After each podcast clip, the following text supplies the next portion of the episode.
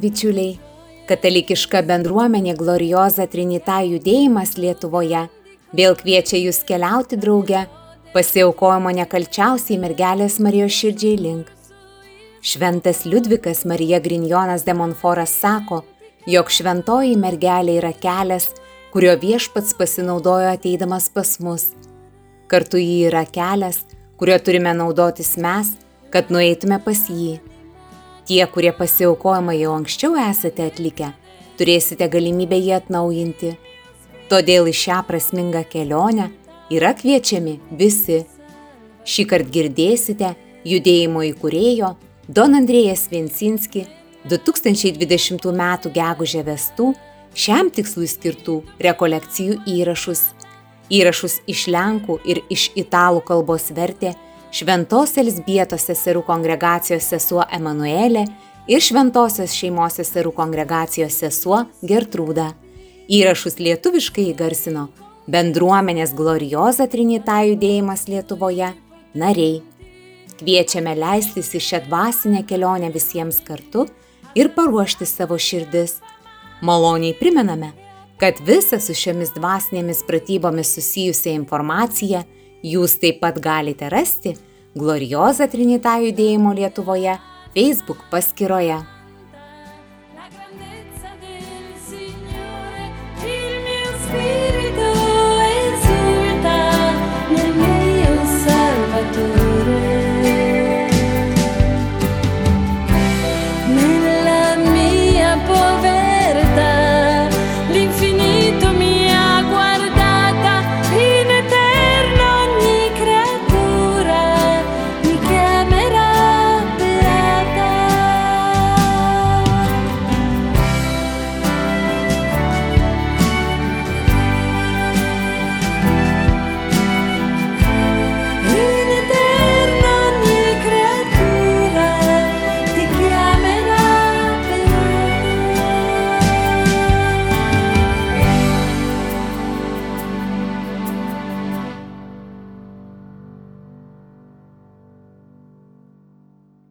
Nome del Padre, del Figlio, dello Spirito Vardan Santo. Dievo Tėvo ir Sūnaus ir Šventosios Dvasios. Amen.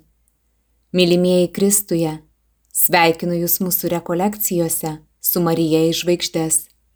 Šiandienos susitikime norėsime apmastyti Marijos kovą su Šėtonu, su Luciferiu, su pragaro tamsybėmis. Tema ypatingai jautri ir labai svarbi, nes daugybė žmonių netiki, kad yra pragaras netiki, kad egzistuoja šėtonas. Tai yra viena bažnyčios, tai yra tikinčiųjų žmonių problemų. Dėl to atverkime savo širdis, kad Dievo motina padėtų mums suprasti šią problemą ir šią temą. Drauge paklausykime Dievo žodžio.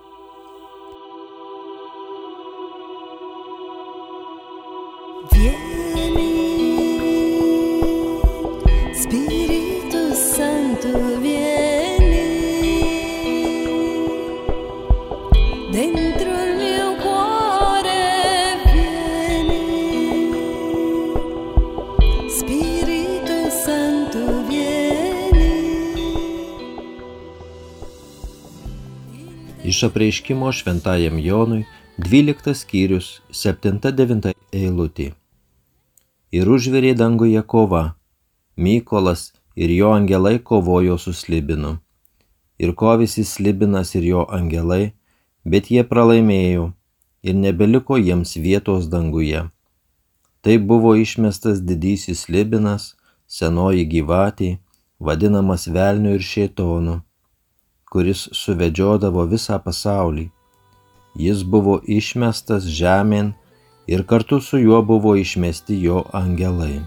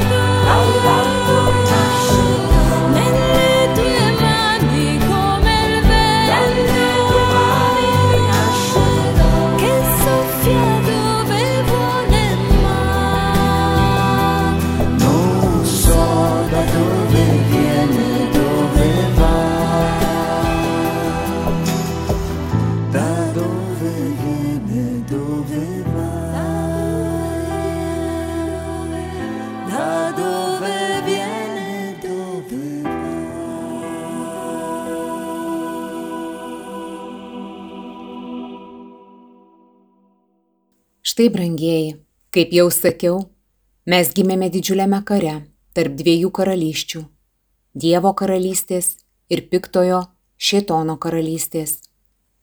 Mes turime suprasti, kad tai ne juokai, nes blogis yra. Egzistuoja velnės, egzistuoja pragaras. Visi mystikai, kurie turėjo apreiškimų, patvirtina šią tikrovę, nes Dievas juos netgi nuvedė į pragarą.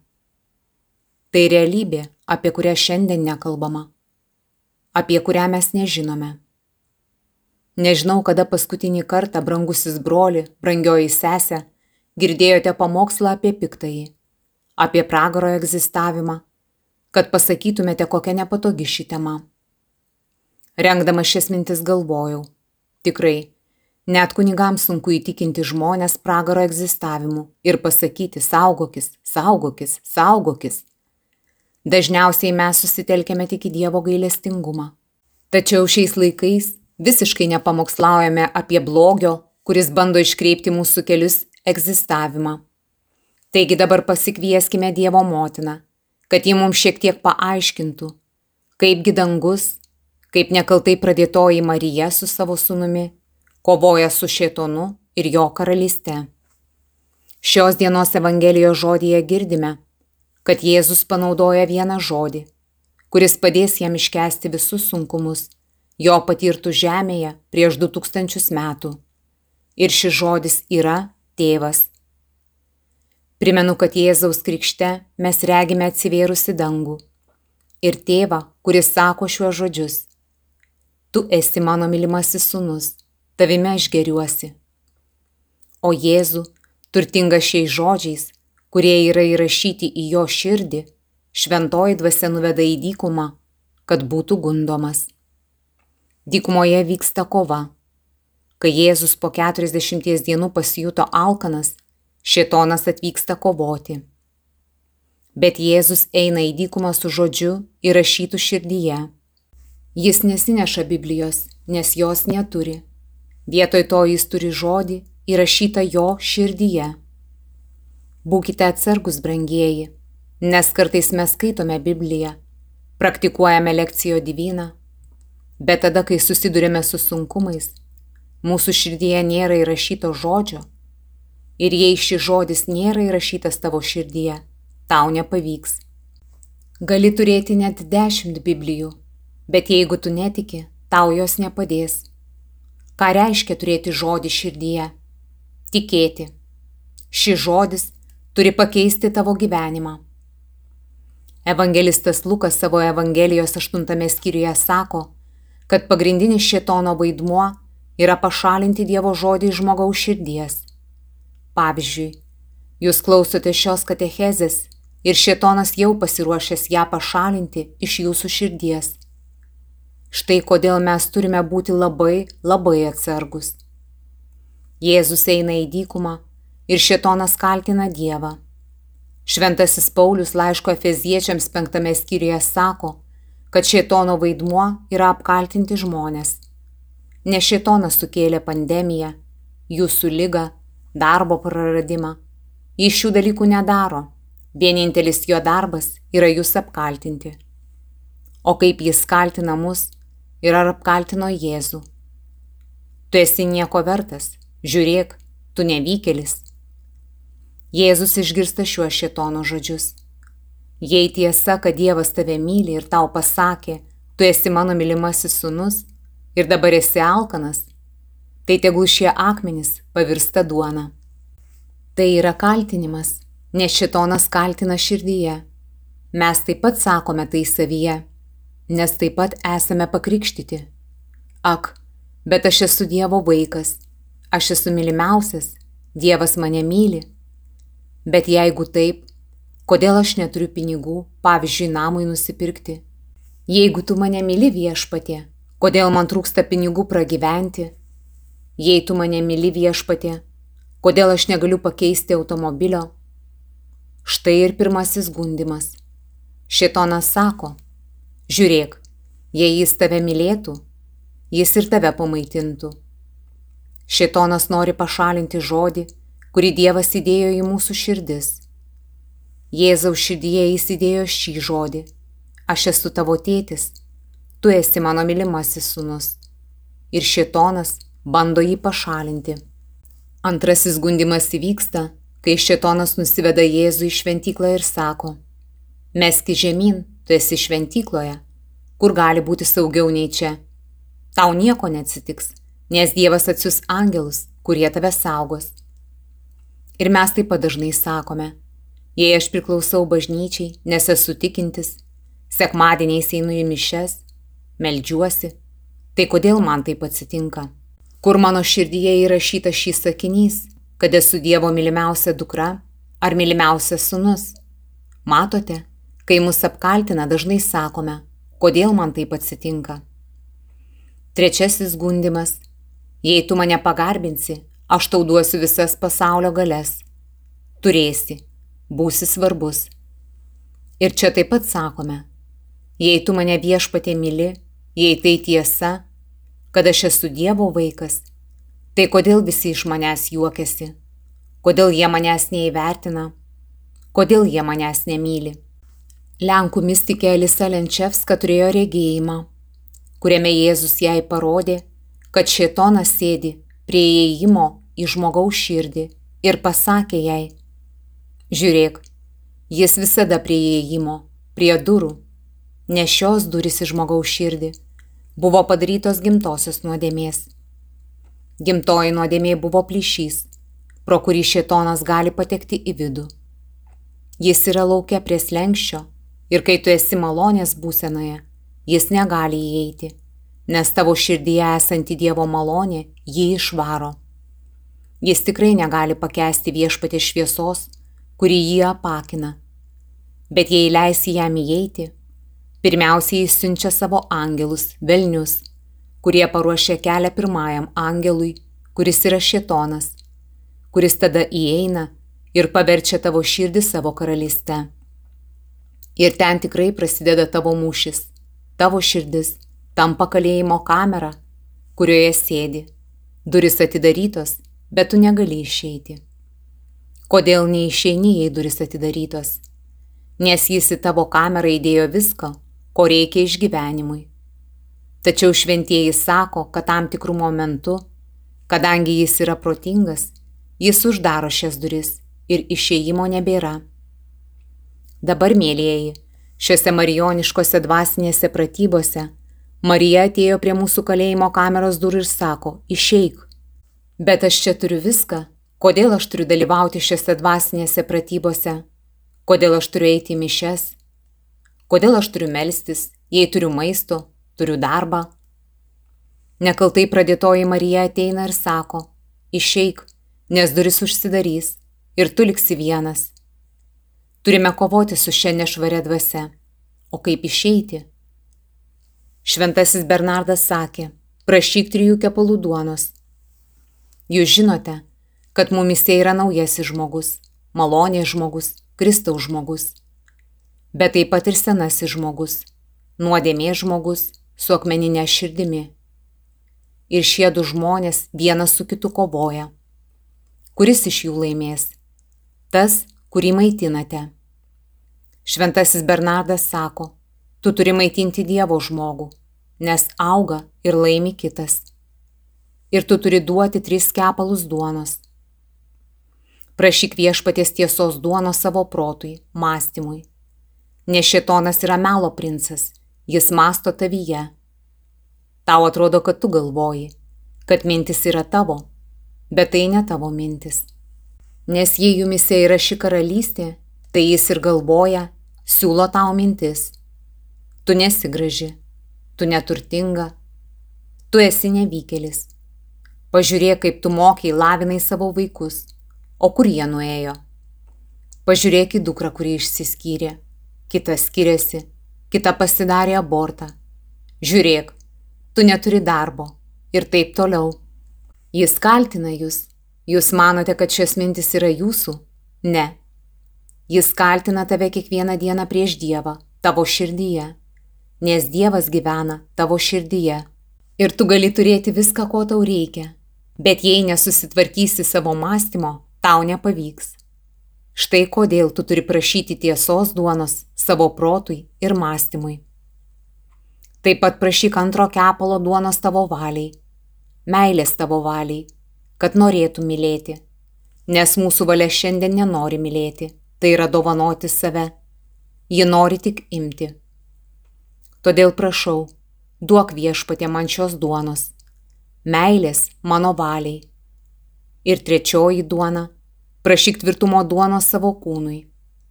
Mums to reikia, nes kūnas yra silpnas seksualinių požiūrių, lygos požiūrių.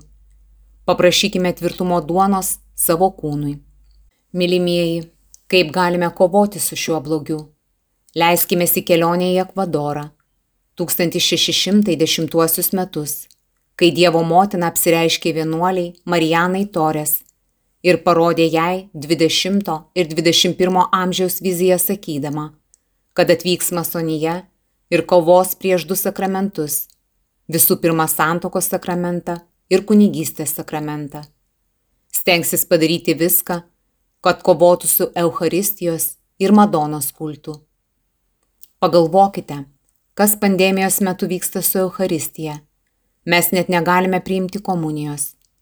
Pažiūrėkite į Marijonų šventovės, jos uždarytos. Lurdas uždarytas, Fatima uždaryta, Gvadalupė uždaryta, Čenstakava uždaryta. Tai fronto ataka. Kaip kovoti? Marijanos torės istorija yra neįtikėtina. Viena iš jos seserų surengia sąmokslą, neteisingai ją apkaltina ir ji tris kartus atsiduria kalėjime. Kai ši klasta išaiškinama, tuomet ana sesuo patenka į kalėjimą ir pradeda pikžodžiauti prieš Dievą. Ši šventoji, ši mystikė tada sako Dievo motinai, noriu, kad ji būtų išgelbėta. Marija pasakoja, kad ji kalbėjosi su Dievu, o Dievas sako, kad jei nori, jis gali ką nors pasiūlyti už šią seserį ir siūlo jai penkerius metus išgyventi pragaro skausmus, tarsi būtų pragare. Ir jis sutinka. Penkerius metus ji nebegirdi Dievo, girdi tik kaltinimus po kaltinimų, mintise patiria šėtono išpolius ir išprotėja. O po penkerių metų ši jos sesuo atsivertė. Ir dar ne viskas. Galiausiai Dievas jai regėjime pasako, trim šimtams metų tavo vardas išnyks nuo žemės, apie tave nebus kalbama, bet po trijų šimtų metų tavo vardas bus atrastas iš naujo. Ir 1906 metais, atliekant kai kuriuos kasinėjimus, bažnyčioje yra randamas jos kapas, kurį atvėrus randamas nepažįstas jos kūnas. Ir nuo ten prasideda Kvinto mergelės Ekvadoro sostinės kultas. Štai kaip vienuolė kovojo su šėtonu, kad išgelbėtų seserį, net nedraugę, tik vėliau tapusią jos draugę. Štai kaip tu turi kovoti. Apie šventąjį Maksimilijoną Mariją Kolbę žinome tik iš jo paskutinės gyvenimo atkarpos, kai vokiečiai jį nužudė Aušvico Birkenau koncentracijos stovyklos kameroje. Tačiau dabar kalbama ir apie jo misiją Japonijoje. Yra kalbama, kad čia jį atsiuntė jo draugai, kurie nebegalėjo jo pakesti. Negalėjo pakesti, kai jis savo bičiuliams kalbėjo tiesą apie atsivertimą, apie Dievo motiną, apie šventumą. Ir jie jį išsiuntė. Ar žinai, kaip jį vadino? Kvailas Maksas. Norėčiau pasakyti, kad visų šių šventųjų gyvenime ir mūsų gyvenime, kadangi jūs taip pat esate šventieji, reikia pasiruošti išpoliams. Kai jūs užpuola blogis, vadinasi, einate teisingų kelių ir neturėtumėte bijoti. Imkime dar vieną kovos su blogiu pavyzdį. Vykstame į Prancūziją 1832 metus. Paryžiuje prasideda choleros epidemija. Balandžio pirmą dieną per vieną dieną miršta daugiau nei 70. Balandžio antrą dieną daugiau nei 100. Balandžio trečią dieną daugiau nei 300 žmonių. Paryžius yra užkrestas ir miršta 20 tūkstančių paryžiečių. Tiek oficialiai suskaičiuota, bet sakoma, kad jų mirė daug daugiau. Ir kas tuomet atsitiko? Dievo motina pasirodo šventai Kotrinai Labore ir sako, paruošiau medalikėlį. Bei įteikia jai stebuklingai medalikėlį su nekaltosios Marijos atvaizdu. O kai gailestingumo seseris pradeda gaminti ir dalinti šiuos medalikėlius, išdalina pirmuosius penkiolika šimtų, epidemija nustoja plisti ir pradeda trauktis. Pagalvojau, mėlyjeji, kad šis medalikėlis, kuris reiškia jūsų buvimą Marijos legionieriais, Marijos legionierių medalikėlis, tai ne papuošalas ant kaklo, bet medalikėlis, kurį šiuose dvasinėse pratybose pati Dievo motina nori įdėti į tavo širdį. Įrašyti į tavo širdį, kas yra daug svarbiau. Kaip sakiau jums pradžioje, kad Jėzus nesinešė fizinės Biblijos į dykumą, o turėjo žodį, kuris jį apgynė nuo šetono savo širdyje. Prašau šiose dvasinėse pratybose, kad kiekvienas iš jūsų gautumėte šią malonę iš Marijos nekaltojo prasidėjimo. Dabar, Marija, prašau tavęs įrašyti šį medalikėlį kiekvieno dalyvaujančio šiuose dvasinėse pratybose širdyje. Nuo ko šis medalikėlis mus gina? Nuo daug didesnės epidemijos mėlyjeji, kuri egzistuoja. Ir tai ne koronavirusas, ne cholera. Ar žinote, kokia yra stipriausia ir pavojingiausia epidemija, kurią pasaulyje bando platinti masonija? Tai vadinama pseudomesianizmu arba automesianizmu. Mesijas yra tas, kuris gelbsti. Ir ši pseudo arba savęs mesianizmo epidemija susideda iš tikėjimo, kad tu esi mesijas, tai yra savęs gelbėtojas. Kad žmogus gali išgelbėti pasaulį, naudodamasis tik savo jėgomis, kaip mes dabar galvojame. Tai yra pseudomesianizmas. Daug žmonių gali įeiti į parduotuves ir niekas nekelia problemų. O į bažnyčią nuo pat pandemijos pradžių praktiškai niekas negalėjo įeiti. Mums nepavyks, mėlyjeji. Mes neapsėsime be Dievo, nes Jis yra šio pasaulio kuriejas. Jis yra autorius. Jis ir tik Jis žino gamtos genomą. Ir būkime atsargus, mėlyjeji, nes vyksta dideli dalykai. Ir mes turime būti tikrai pasiruošę. Šiandien kalbėjausi su kunigu, kuris man pasakė, Andrėja, penktą valandą mane pažadino triukšmas. Jis dirba Vatikane. Žemės drebėjimas įvyko Romoje, bet buvo pakankamai stiprus, kad išgirstų triukšmą Vatikane. Kada paskutinį kartą kažkas panašaus, tokio stipraus nutiko Romoje. Jie man pasakė, kad daugiau nei prieš šimtą metų. Yra ženklų, į kuriuos tikrai turime žiūrėti rimtai kad tikrai gyvename apokalipsės laikais. Tikrai įžengėme į šią epochą ir mums reikia, kad Dievo motina prenktų mus, kaip šventas Paulius savo laiško Efeziečiam šeštajame skyriuje sako, teisumo šarvais. Užbaigti ir pilni šie šarvai yra nekaltoji Marijos širdis, kuriai pašvesime save rekolekcijų pabaigoje. Mėly draugai, būtent šiuos šarvus norime nešioti nekaltosios Marijos širdies, tai yra Marijos gyvybės šarvus. Taigi melskimės, kad dabar mus tikrai apkabintų šventoji motina, amen. Katechezę baigiame tėvo Don Andrėja palaiminimu. Il Signore sia con voi. Vi benedica Dio Onnipotente, Padre e Figlio e Spirito Santo. Andiamo in pace. Gesù vivo, buono, gioia grande è solo gioia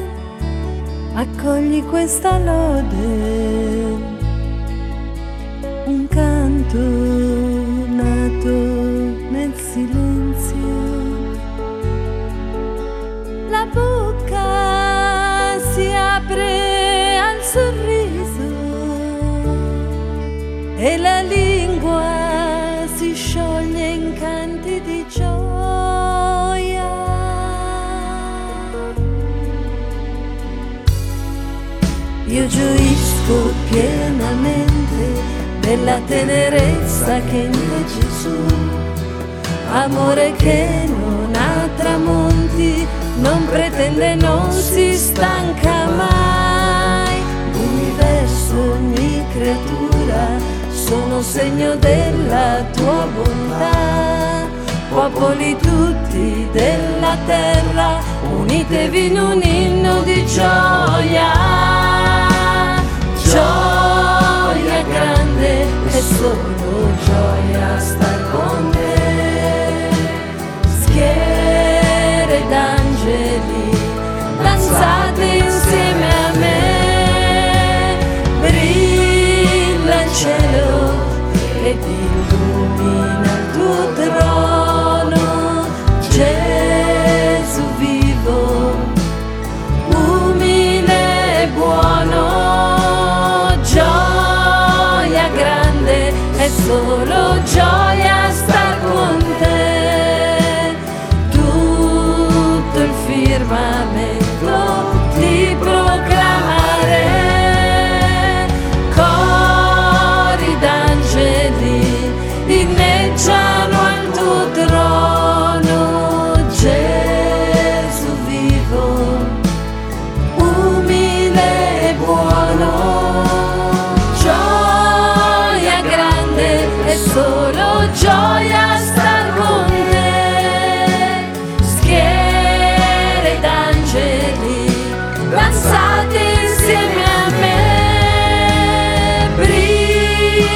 celor e din